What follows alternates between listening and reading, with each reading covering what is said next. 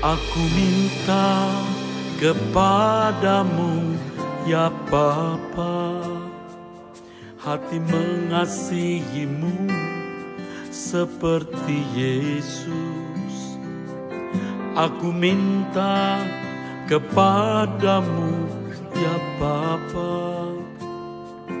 Hati menghormatimu seperti Yesus Beriku hati. Seperti Yesus. Mengasihi menghormati Bapa di surga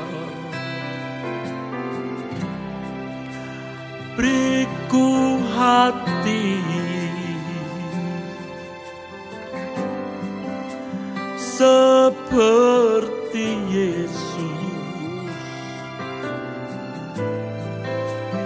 taat sampai mati di kayu salibnya.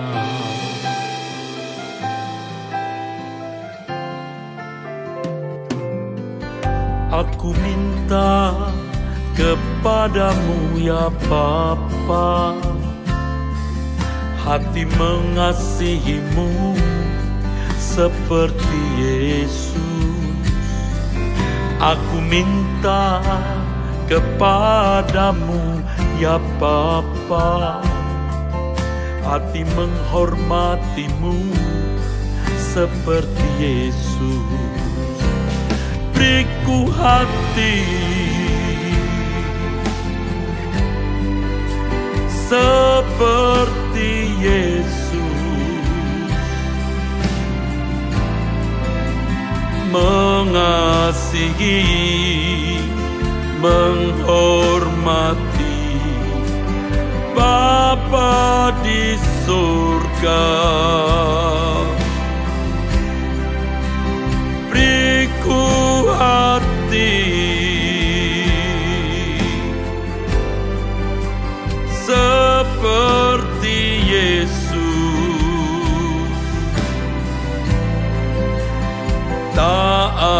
sampai mati di kayu salibnya.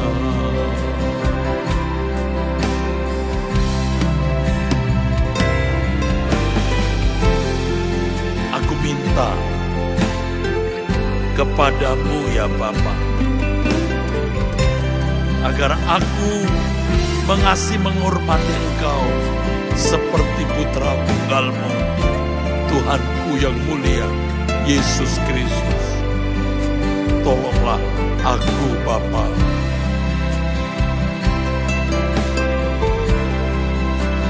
Beriku hati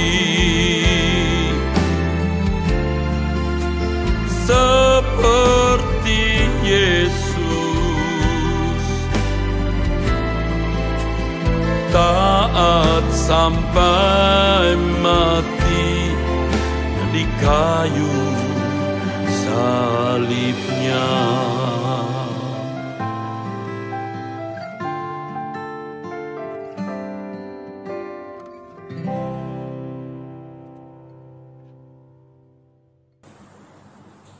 Shalom, selamat pagi, saudaraku yang dikasih oleh Tuhan. Sebelum kita masuk ke dalam kebenaran firman Tuhan, mari kita tundukkan kepala kita. Kita masuk dalam doa. Haleluya Tuhan. Terima kasih Bapa, terima kasih. Kami sungguh bersyukur untuk hari ini. Kami sungguh berterima kasih untuk kesempatan yang Bapa beri dalam hidup kami. Ini kami Tuhan, biarlah Engkau mendidik kami, Engkau memproses kami melalui kebenaran firman-Mu ini. Engkau beracara ya Bapa. Biarlah kami semakin hari semakin tahu apa yang harus kami lakukan untuk menyenangkan hatimu. Di dalam namamu, kami serahkan doa kami ini. Amin. Amin. Saudaraku yang dikasih oleh Tuhan. Akhir-akhir beberapa waktu ini kalau saya lihat gereja tidak lagi fokus kepada apa yang menjadi hati Bapa yang inginkan. Gereja sekarang lebih fokus kepada apa yang dunia mau, apa yang dunia inginkan, dan itu dibawa masuk ke dalam gereja. Ini sungguh membahayakan. Apa yang dunia tawarkan, apa yang menjadi hingar-bingar dunia, sekarang mulai masuk ke dalam gereja dan itu menjadi sebuah kelumrahan, sebuah sesuatu yang oke. Okay. Menurut orang-orang Kristen, orang-orang percaya itu sebuah sesuatu yang bisa dibilang normal. Dan itu membahayakan kita sebagai orang-orang percaya hari-hari ini. Value nilai-nilai kehidupan dunia mulai ditanamkan dan mulai masuk ke dalam kekristenan hari-hari ini. Dan akhirnya value dunia dengan value kekristenan kurang lebih hampir sama. Dan orang-orang percaya yang masih belum mengerti, yang masih begitu masih kanak-kanak di dalam kerohanian mereka. Mereka bingung membedakan antara value nilai-nilai yang harus ditetapkan di dalam sebuah kekristenan menjadi seorang anak Allah dengan value dunia. Kok tidak ada bedanya?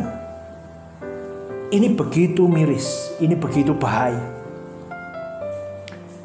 Sebenarnya keadaan karakter seseorang itu adalah bangunan yang telah dibangun selama bertahun-tahun dengan waktu yang panjang yang telah dilalui di dalam hidupnya.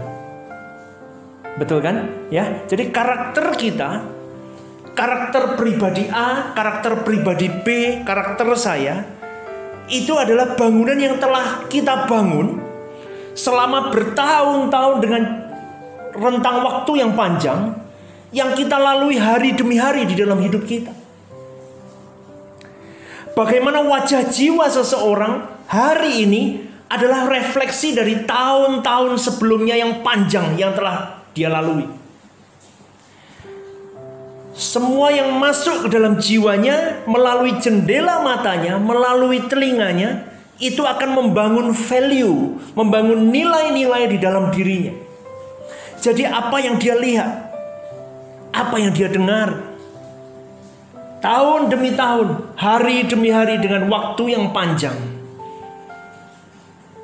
itu akan membangun value di dalam diri seseorang. Segala sesuatu yang dipandang baik oleh seseorang, yang dianggap menguntungkan, yang dianggap membahagiakan, yang dianggap berharga, itulah yang menguasai kehidupannya. Inilah yang kita sebut sebagai nilai-nilai kehidupan seseorang. Oleh sebab itu, pada pagi hari ini, saya beri tema renungan saya adalah values. Nilai-nilai kehidupan seseorang.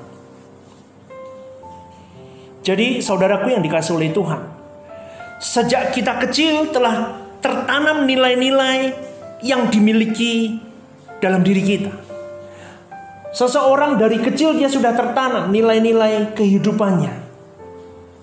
Siapa yang dia lihat? Pasti yang pertama adalah orang tuanya.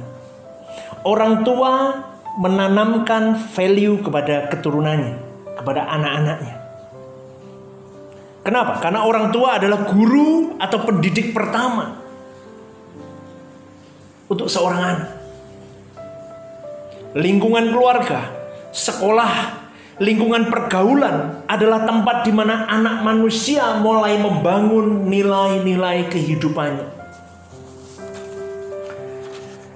Di dalam seseorang, di dalam diri mereka, apa yang dia lihat apa yang lingkungannya tanamkan dalam dirinya, itu yang akan membentuk value di dalam dirinya.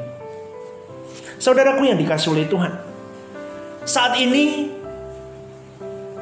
teknologi, sosial media, Instagram, Facebook, wah banyak lagi yang lain. Itu mewarnai kehidupan pribadi lepas pribadi manusia di muka bumi ini. Komputer teknologi begitu canggih, betul? Ya, beberapa tahun yang lalu nggak mungkin orang bisa face to face melalui handphone bisa bertatap muka. Sekarang orang dengan mudahnya bertatap muka. Hari-hari ini sangat mudah sekali orang pergi ke benua lain dengan mudahnya. Jadi transportasi, komputer, semuanya canggih, komunikasi pun canggih, tidak terhalang oleh tempat, waktu atau apa pun. Saya masih ingat waktu saya kecil dulu. Kalau saya mau kontak kakak perempuan saya yang yang sekolah di luar negeri, kita harus beli kartu, kartu telepon itu. Dan kartu telepon itu begitu mahal sekali Paling cuma berapa menit sudah habis, harganya ratusan ribu. Tetapi lihat hari ini. Kita mau berjam-jam, bahkan bisa memandang video call langsung dengan orang di mana pun, di benua mana pun, di Amerika sekalipun, di Afrika sekalipun, di waktu yang sama. Kita bisa bertatap muka, berjam-jam, hanya dengan menggunakan sebuah handphone. Ini yang saya sebut dengan teknologi kecanggihan dunia yang semakin maju. Dan manusia lebih banyak diwarnai dengan berbagai nilai-nilai dalam waktu sekejap hari-hari ini. Facebook, Twitter, Instagram, dan semuanya merupakan sarana membangun nilai-nilai di dalam kecepatan tinggi dan intensitas yang tidak terbatas. Jarak tidak menjadi masalah hari-hari ini. Sehingga pengaruh suatu budaya dunia, budaya A bisa mempengaruhi budaya B dalam waktu sekejap. Pengaruh bangsa A bisa mempengaruhi bangsa B dalam sekejap. Saudaraku yang dikasih oleh Tuhan, dari nilai-nilai yang dipahami seseorang, maka seseorang memiliki selera. Kalau dalam bahasa Inggris biasanya, oh ini yang kita sebut dengan taste. Seperti ini, oh ini bukan tes saya, ini bukan selera saya. Oh ini selera saya. Selera ini sama dengan cita rasa. Kalau kita bahasa Indonesia sering kita sampaikan cita rasa. Sama dengan spirit atau gairah seseorang. Banyak manusia di muka bumi ini telah diwarnai oleh dunia yang semakin fasik, semakin jahat dari selera atau cita rasa yang sama dengan gairah atau spirit ini, maka seseorang membangun ukuran moral dalam hidup mereka. Nangkep ya sampai sini.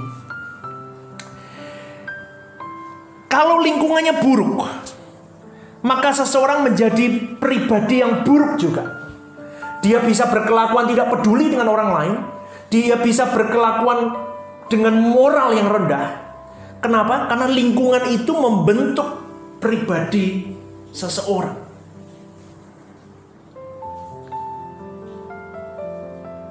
Mereka tidak lagi memiliki kasih terhadap yang lain, sebab baginya yang penting adalah memiliki apa yang dipandangnya baik, apa yang dipandangnya nilainya tertinggi. Itu yang disebut pribadi seseorang akan melihat, oh ini nilai moralku di sini. Contohnya, jika seseorang berpikir bahwa yang membahagiakan yang membahagiakan dirinya adalah uang,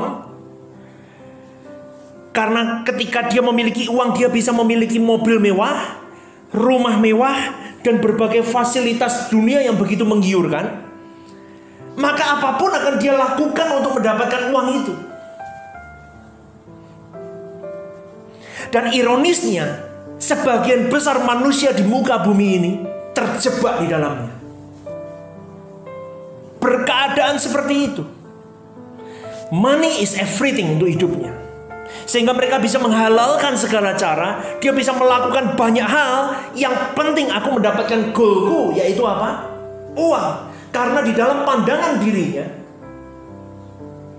mendapatkan banyak uang, memiliki banyak uang itu adalah sesuatu yang baik.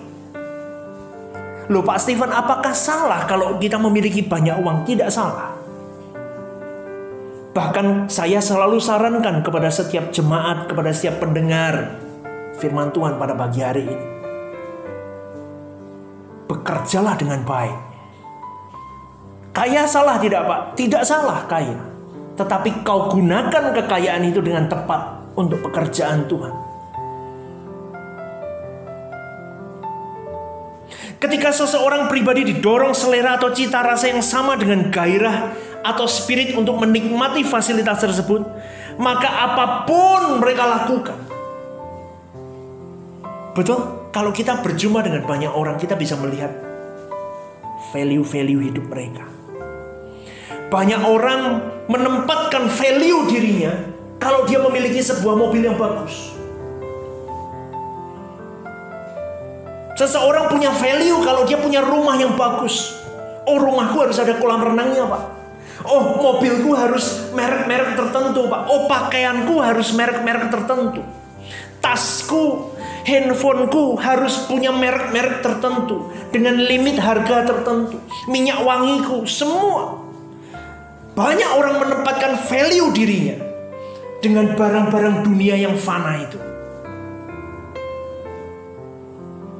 Oleh sebab itu kalau kita melihat tidak hanya di luar gereja, di dalam gereja pun banyak sekali praktek yang serupa. Praktek apa? Memanipulasi banyak orang Kristen dengan nama Tuhan. Tujuannya apa? Untuk kepentingan pribadi. Pelayanan gereja digunakan untuk mengumpulkan uang dan membangun kehormatan. Oh, ironis sekali, saudaraku. Oleh sebab itu saya selalu ingatkan kepada semua tim pelayan Tuhan. Gereja kita bukan gereja besar, gereja kita masih kecil. Tetapi belajarlah tempatkan dirimu sebagai pelayan-pelayan Tuhan yang benar di mata Tuhan. Bukan benar di mata manusia. Kenapa saya katakan itu? Engkau bisa memakai topeng ketika engkau berhadapan dengan manusia, tetapi engkau tidak bisa menggunakan topengmu ketika engkau berhadapan dengan Tuhan yang Maha Tahu. Jadi saya selalu ingatkan, Gunakan pelayanan itu hanya murni, murni tidak ada yang lain untuk Tuhan dan untuk kemuliaannya saja. Gereja kita, GSKI City Blessing, betul saya selalu beberapa donatur yang memberikan dana untuk operasional gereja. Saya selalu memberikan report yang jelas kepada mereka. Ke mana uang itu pergi? Beberapa waktu yang lalu saya gunakan untuk membantu hamba Tuhan lain yang membutuhkan untuk melanjutkan kuliahnya. Saya berikan uang itu. Saya gunakan uang itu untuk melipat kali gandakan pekerjaan Tuhan. Saya gunakan untuk membantu orang-orang yang tidak mampu. Kita gereja ini kita gerakkan untuk hal itu. Kenapa? Pekerjaan Tuhan bukan untuk mencari keuntungan pribadi,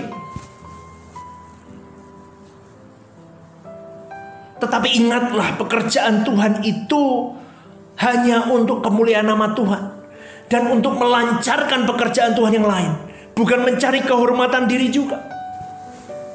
Oleh sebab itu, saudaraku yang dikasih oleh Tuhan, tidak heran kalau banyak orang berani menyaksikan kesaksian-kesaksian palsu hanya demi bisa menarik masa, menarik simpati orang untuk tergerak, untuk memberi dalam dirinya, dan akhirnya apa? Terjebak di dalam apa? Kebohongan. Terlihat melayani Tuhan. Terlihat engkau seperti seorang rohaniawan. Terlihat engkau seorang aktivis gereja. Engkau begitu berkobar-kobar melayani Tuhan, tetapi di balik itu motivasimu hanya untuk mengenyangkan dirimu sendiri. Dan saya bisa pastikan, orang-orang yang seperti itu pasti mengajarkan firman Tuhan yang tidak benar. Mereka tidak pernah membangun pribadi orang untuk mengerti bahwa engkau harus menjadi pribadi yang memiliki kodrat Allah dalam dirimu. Betul, kekristenan itu hanya satu sebetulnya. Tujuannya satu. Engkau harus tahu, kita harus ajarkan kepada setiap orang bahwa engkau itu dirancangkan segambar dan serupa dengan Allah. Kau harus kembali seperti rancangan Allah dan mengenakan kodrat ilahi dalam dirimu. Itu. Loh Pak, apakah tidak boleh saya mengejar mujizat? Saya tidak katakan saya tidak percaya dengan mujizat. Saya tidak katakan saya tidak membutuhkan berkat Tuhan. Tidak. Tetapi jadilah orang Kristen yang tidak hanya mengejar hanya mujizat. Jadilah pribadi Kristen yang tidak hanya mengejar keuntungan-keuntungan dunia. Aku dibebaskan dari sakit penyakit, aku dibebaskan dari hutang piutang, aku dibebaskan dari segala masalah problema hidupku. Bukan itu, itu sangat dangkal saudaraku yang dikasih oleh Tuhan. Tetapi kekristenan yang benar adalah kekristenan yang kau mengerti untuk apa aku dipanggil di muka bumi ini. Apa tujuan Allah menciptakan diriku? Apa tujuan Allah menempatkan aku di muka bumi ini? Apa tujuan Allah menempatkan aku di Indonesia? Apa tujuan Allah menempatkan aku di kota Semarang? Apa tujuan Allah menempatkan aku di gereja ini? Apa tujuan Allah menempatkan aku di pekerjaan dan keluarga ini? Engkau harus tahu. Sehingga ketika engkau menjalani hidup ini, ada value-value yang akan kau pegang, yang akan kita pegang sesuai dengan apa yang Tuhan mau. Orang percaya harus berhati-hati terhadap penyesatan-penyesatan yang terjadi akhir-akhir ini.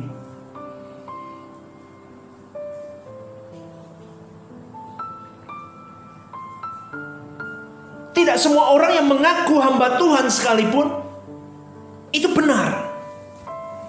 Loh Pak, kenapa berkata seperti itu? Kita harus peka, saudaraku yang dikasih oleh Tuhan. Harus peka. Oleh sebab itu saya selalu ingatkan seperti khotbah saya minggu lalu. Milikilah waktu intimmu dengan Tuhan.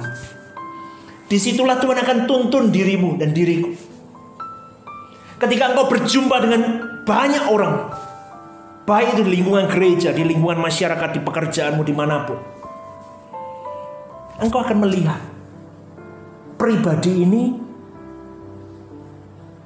benar nggak secara roh. Banyak orang pandai berorasi tentang agama. Banyak orang pandai berteori, berteologi tentang agama. Tetapi belum tentu orang itu bisa menghidupi apa yang dia teorikan itu. Saudaraku yang dikasih oleh Tuhan. Saya sebagai hamba Tuhan mengingatkan hendaknya kita tidak mudah percaya kepada kesaksian-kesaksian orang yang katanya bisa mendengar suara Tuhan dengan berbagai kesaksian spektakulernya. Saudaraku yang dikasih oleh Tuhan, seorang hamba Tuhan yang benar pasti dia mengajarkan yang namanya kesucian hidup yang sama dengan memiliki kehidupan yang sempurna seperti Bapa atau serupa dengan Yesus. Lah ini loh, ini kunci dari kekristenan. Apa yang menjadi perjuangan hidup kita, apa yang menjadi pergumulan hidup kita, sebetulnya hanya satu ini. Kita harus berjuang mengikis monster dalam diri kita. Setiap kita pasti memiliki sisi gelap. Kita memiliki monster diri yang yang yang bisa saya katakan dia terlihat bermoral di depan orang. Saya bisa bermoral, terlihat bermoral di depan orang. Ketika saya mengenakan topeng kehidupan saya. Oh, saya seorang pendeta. Saya mau ketemu dengan pribadi A. Saya bisa gunakan topeng itu. Tetapi seorang Kristen yang benar, orang percaya yang takut akan Tuhan, yang dia menyadari bahwa aku anak Allah. Dia tidak akan pernah menggunakan topengnya, tetapi dia menempatkan dirinya sudah layakkah aku?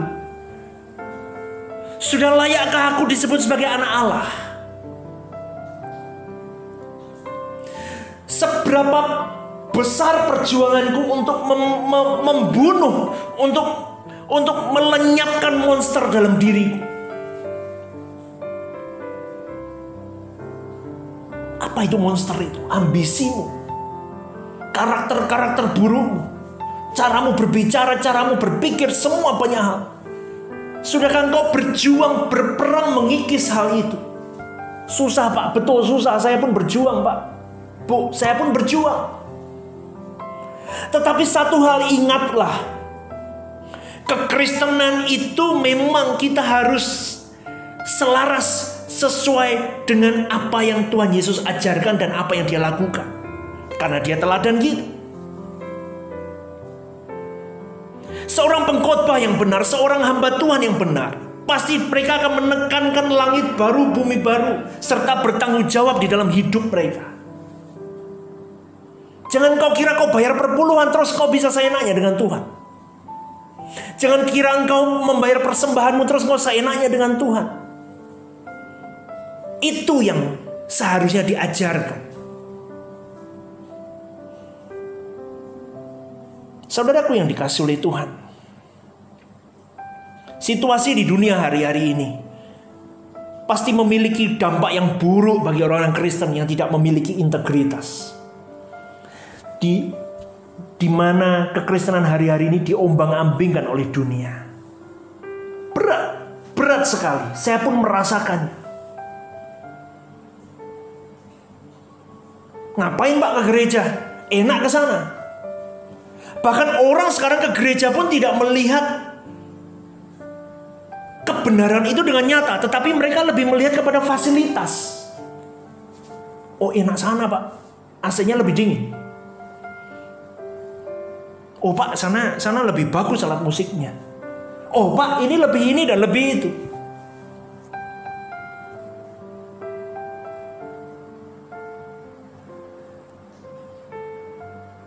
Kalau orang percaya tidak bertekun sungguh-sungguh di dalam Tuhan hari-hari ini.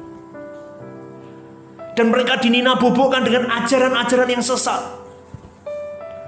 Saya berani jamin saudaraku dikasih oleh Tuhan. Monster dalam dirimu akan semakin kuat.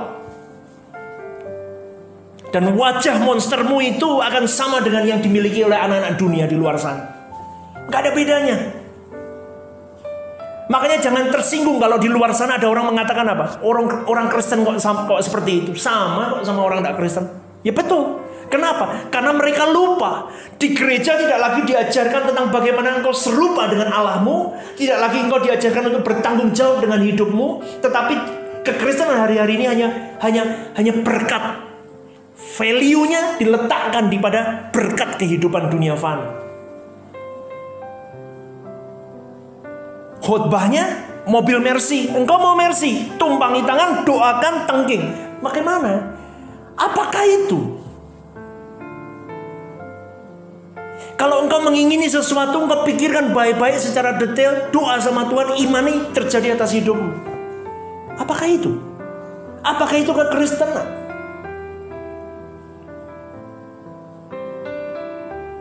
Kalau kita lihat sejarah kekristenan, zaman rasul-rasul dulu, kisah para rasul, zaman Tuhan Yesus.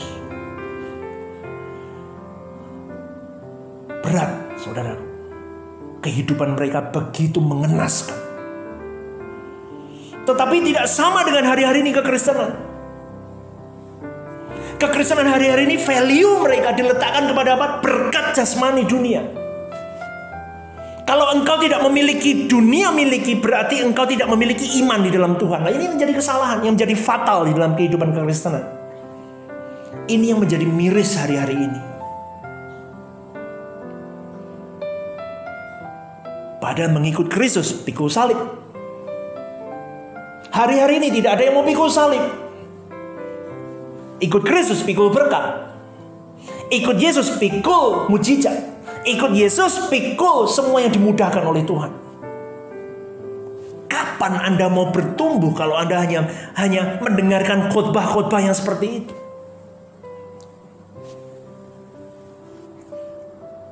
Jika hal ini terus-menerus terjadi di dalam hidup kita orang Kristen, di dalam waktu yang lama, maka orang Kristen tersebut tidak akan dapat mematikan monster di dalam dirinya. Saya ingatkan lagi sekali lagi, kalau engkau terus menina bobokkan monster itu di dalam dirimu. Oh, aku menikmati kok, Pak. Saya menikmati khotbah ini. Tabur, tabur, tabur. Berlipat kali ganda kau dapatkan inilah, itulah, inilah. Monster dalam dirimu semakin hari semakin rakus. Semakin tamak. Makanya jangan kaget kalau engkau berbisnis dengan orang Kristen. Hari-hari ini mungkin bisa kau jumpai di luar sana. Orang Kristen kok kok kejemnya begitu ya di bisnis ya? Oh bisa saja. Kenapa? Karena mereka menina bobokan monster ini dan memberikan makanan terus pada monster ini. Jadi orang Kristen yang jahat. Orang Kristen berwajah anak-anak dunia. Orang Kristen tidak berwajah anak-anak Allah. Lah itu yang yang kadang sering ditemui di luar sana.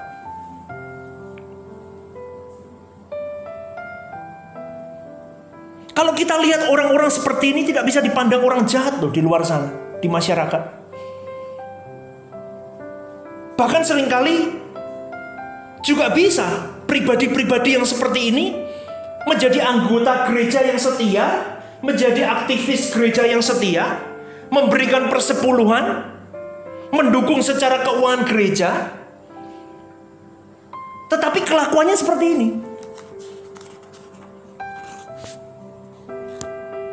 Kenapa? Karena mereka gagal membangun manusia Allah di dalam dirinya.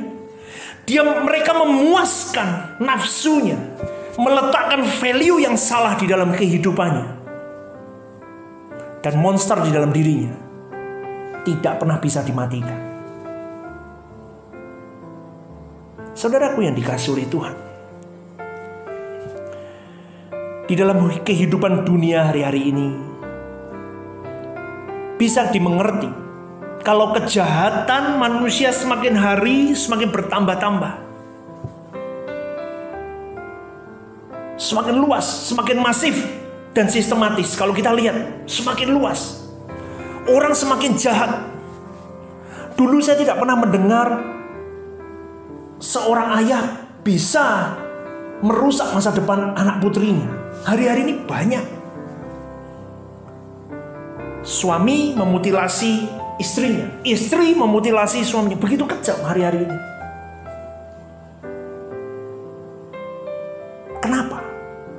Kenapa hal ini bisa terjadi? Dan itu pun terjadi bukan berarti orang Kristen tidak bisa mengalami itu. Banyak juga orang-orang Kristen yang mengalami hal seperti itu. Yaitu karena monster di dalam dirinya tidak pernah dimatikan. Manusia menjadi mangsa empuk kuasa kegelapan yang menggiring ke dalam kegelapan abadi dalam hidup mereka. Orang Kristen banyak termasuk di dalamnya, terbawa arus dunia.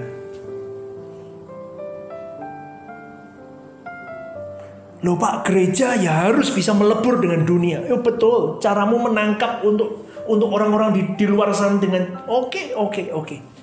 Tetapi ada value-value yang tidak bisa dipotong. Ada value-value yang tidak bisa di bisa dikatakan oke okay lah, enggak apa-apa lah. Yang bisa diajak kompromi, oh enggak bisa. Ada value-value yang memang kau harus katakan no, enggak bisa.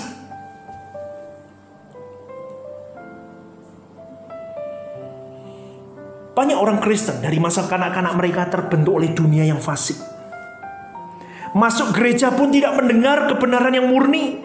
Yang berasal dari Injil yang murni, dari Alkitab. Hal ini tidak membangun manusia Allah atau manusia yang memiliki kodrat ilahi di dalam kehidupan mereka. Itu begitu mirisnya. Saudaraku yang dikasih oleh Tuhan, saya sebagai hamba Allah, apa pun value yang kau tempatkan hari-hari ini di dalam kehidupanmu. Tidak salah kau kejar kekayaan. Tidak salah kau kejar apa pun di dalam kehidupan ini. Hidup harus punya goal, hidup harus punya visi yang jelas, betul. Tetapi pastikanlah, saya sebagai hamba Allah mengingatkan, letakkanlah semua value hidupmu dengan engkau menjadi pribadi yang benar di mata Tuhan. Jangan terjebak dengan roh agamawi. Saya ingatkan sekali lagi, minggu lalu saya sudah ingatkan hal ini. Jangan pernah engkau terjebak di dalam roh agamawi kehidupan. Engkau terlihat saleh, engkau terlihat agamawis, engkau terlihat seperti orang baik, bermoral. Tetapi sebetulnya di dalam dirimu, nuranimu sendiri, engkau tahu bahwa ada monster besar di dalam dirimu yang tidak bisa kau kalahkan. Dan akhirnya ketika ada kesempatan-kesempatan monster itu muncul. Engkau menjadi pribadi yang tidak berkenan di mata Tuhan. Makanya jangan heran kalau di luar sana ada banyak orang yang kelihatannya saleh. Loh, kok bisa korupsi? Loh, kok bisa mencuri? Loh, kok bisa menipu ya? Kelihatannya agamais, dia sangat mengerti tentang agama. Kelihatannya salah dia berdoa begitu luar biasa. begitu intim dengan Tuhan, tetapi ternyata kehidupan nyatanya, kehidupannya seperti itu. Dan ingatlah, ingatlah baik-baik. Kita harus menjadi pribadi yang mengenakan wajah anak-anak Allah. Sehingga orang di luar sana melihat siapa kita dan siapa Tuhan kita. Di luar sana banyak orang berpikir salah tentang yang namanya wajah anak Allah itu bagaimana. Oh tidak boleh marah pak. Oh tidak boleh begini pak. Oh tidak boleh oh salah. Apakah marah itu salah? Tidak. Harus ada proporsional yang tepat di dalamnya. Dan saya mengingatkan sekali lagi. Jadilah pribadi yang benar di mata Tuhan. Di dalam Lukas 18 ayat 8 firman Tuhan berkata seperti ini. Aku berkata kepadamu, ia akan segera membenarkan mereka. Akan tetapi jika anak manusia itu datang, adakah ia mendapati iman di bumi? Hal ini menunjukkan betapa rawannya iman Kristen di dunia sekarang ini. Inilah saatnya terjadi keguguran banyak orang Kristen.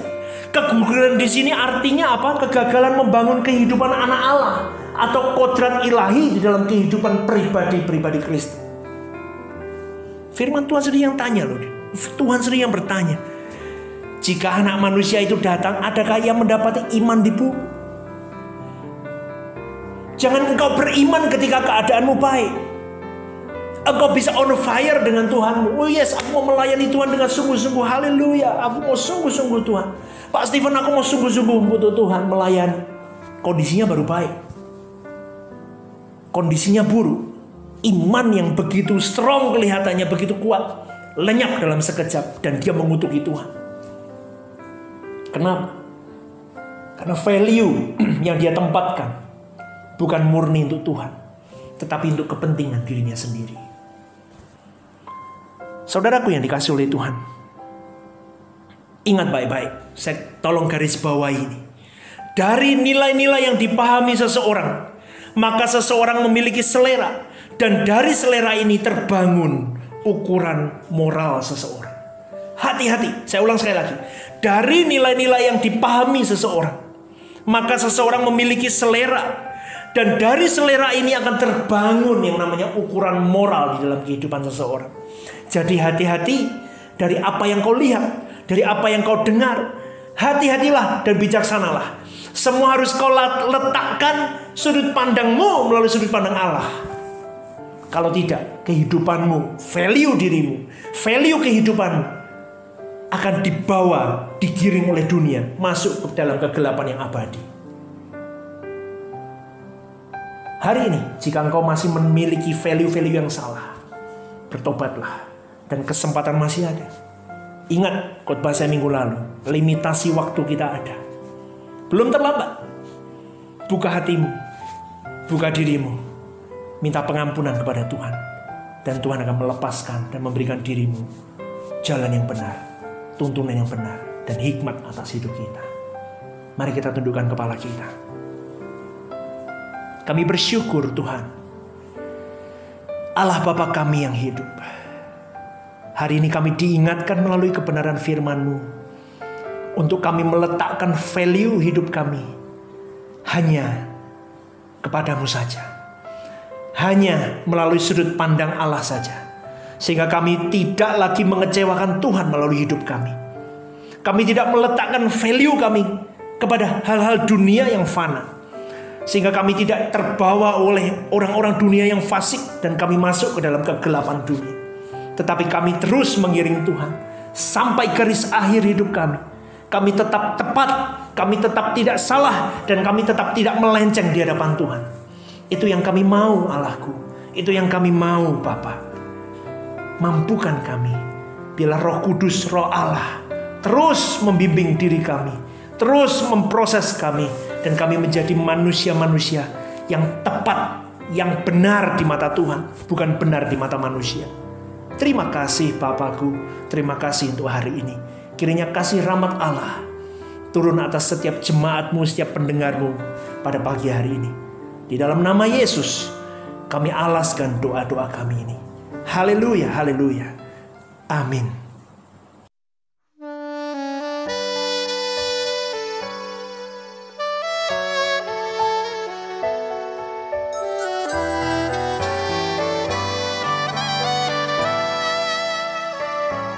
Ada tanya dalam gelisah di hati Untuk apa aku ada di bumi ini?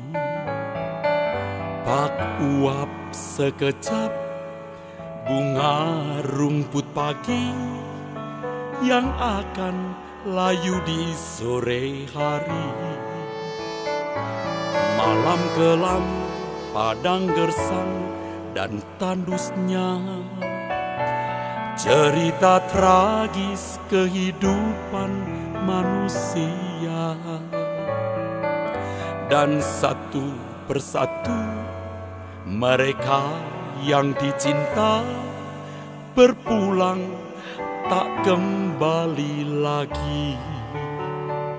Tuhan hantarlah langkahku sebelum usai hariku untuk memahami rencanamu di dalam taman hidupku.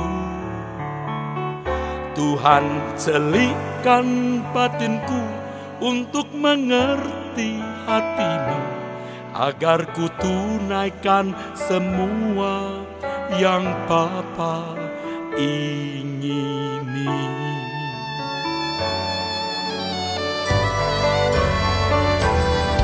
Malam kelam, padang gersang dan tandusnya. Cerita tragis kehidupan manusia. Dan satu persatu mereka yang dicinta Berpulang tak kembali lagi. Tuhan antarlah langkahku sebelum usai hariku untuk memahami rencanamu di dalam taman hidupku. Tuhan celikan batinku untuk mengerti hatimu agar ku tunaikan semua yang Bapa ingini.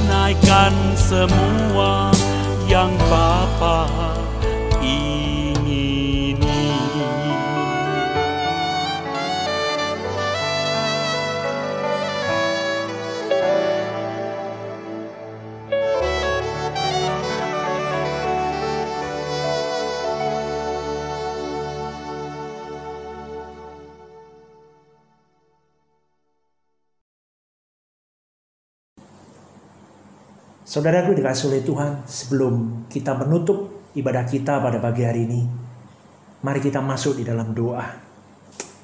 Terima kasih Allahku, Engkau sungguh dahsyat. Engkau sungguh luar biasa dalam hidup kami. Terima kasih untuk kebenaran firman-Mu. Biarlah itu menjadi rema yang akan kami bawa di dalam satu minggu ke depan. Terima kasih Tuhan, terima kasih. Haleluya. Saudaraku dikasih oleh Tuhan. Terima berkat daripada Tuhan. Kiranya berkat dari Allah Bapa, kasih sayang dari Tuhan Yesus Kristus dalam persekutuan Roh Kudus menyertai kita. Hari ini sampai selama-lamanya. Semua yang percaya katakan, amin. Haleluya.